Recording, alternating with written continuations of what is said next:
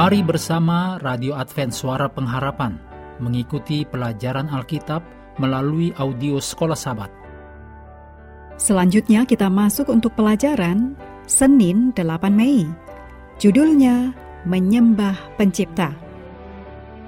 Mari kita mulai dengan doa singkat yang didasarkan dari Wahyu 14 ayat 7. Takutlah akan Allah dan muliakanlah Dia karena telah tiba saat penghakimannya, dan sembahlah dia yang telah menjadikan langit dan bumi dan semua mata air. Amin.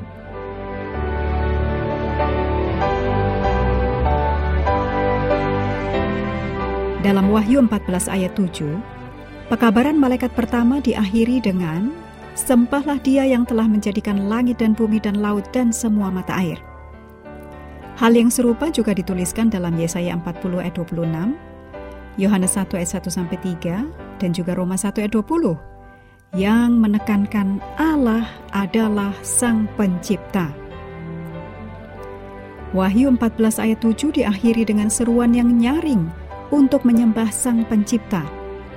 Panggilan ini sangat penting sekarang, ketika sebagian besar dunia ilmiah dan bahkan dunia Kristen telah menerima evolusi sebuah ajaran yang menyerang inti dari semua hal yang Alkitabiah dan Kristen. Jika evolusi itu benar, maka iman kita tentu saja akan menjadi dusta. Begitulah masalahnya. Seruan terakhir Wahyu, kemudian berakar pada buku pertama kitab suci yaitu kitab Kejadian.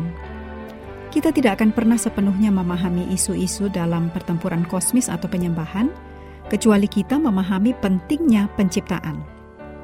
Kejadian 1 ayat 1 Pada mulanya Allah menciptakan langit dan bumi. Ayat ini adalah dasar dari seluruh kitab suci. Pada mulanya Allah menciptakan.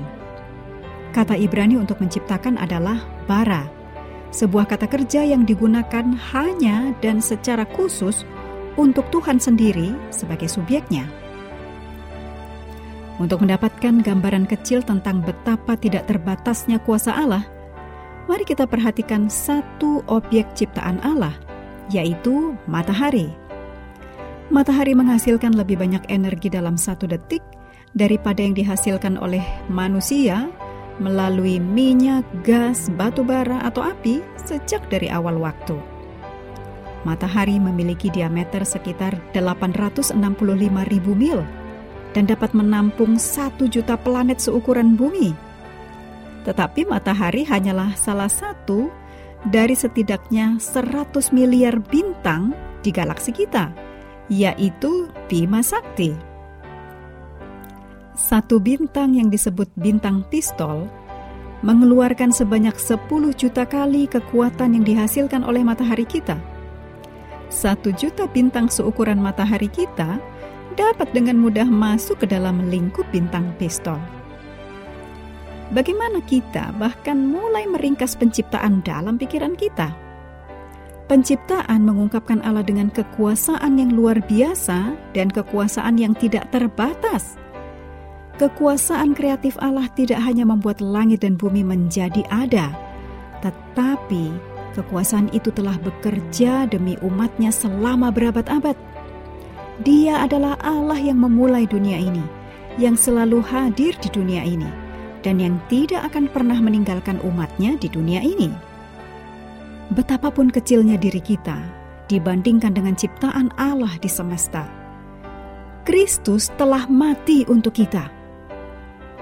Besarnya ciptaan Allah sungguh-sungguh menguatkan betapa nyatanya kasih Allah.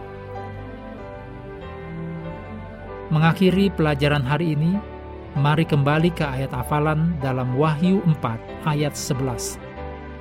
Ya Tuhan dan Allah kami, Engkau layak menerima puji-pujian dan hormat dan kuasa, sebab Engkau telah menciptakan segala sesuatu, dan oleh karena kehendakmu, semuanya itu ada dan diciptakan. Kami terus mendorong Anda mengambil waktu bersekutu dengan Tuhan setiap hari bersama seluruh keluarga melalui renungan harian, pelajaran Alkitab sekolah sabat, juga bacaan Alkitab sedunia, percayalah kepada nabi-nabinya yang untuk hari ini melanjutkan dari Mazmur pasal 2. Kiranya Tuhan memberkati kita semua.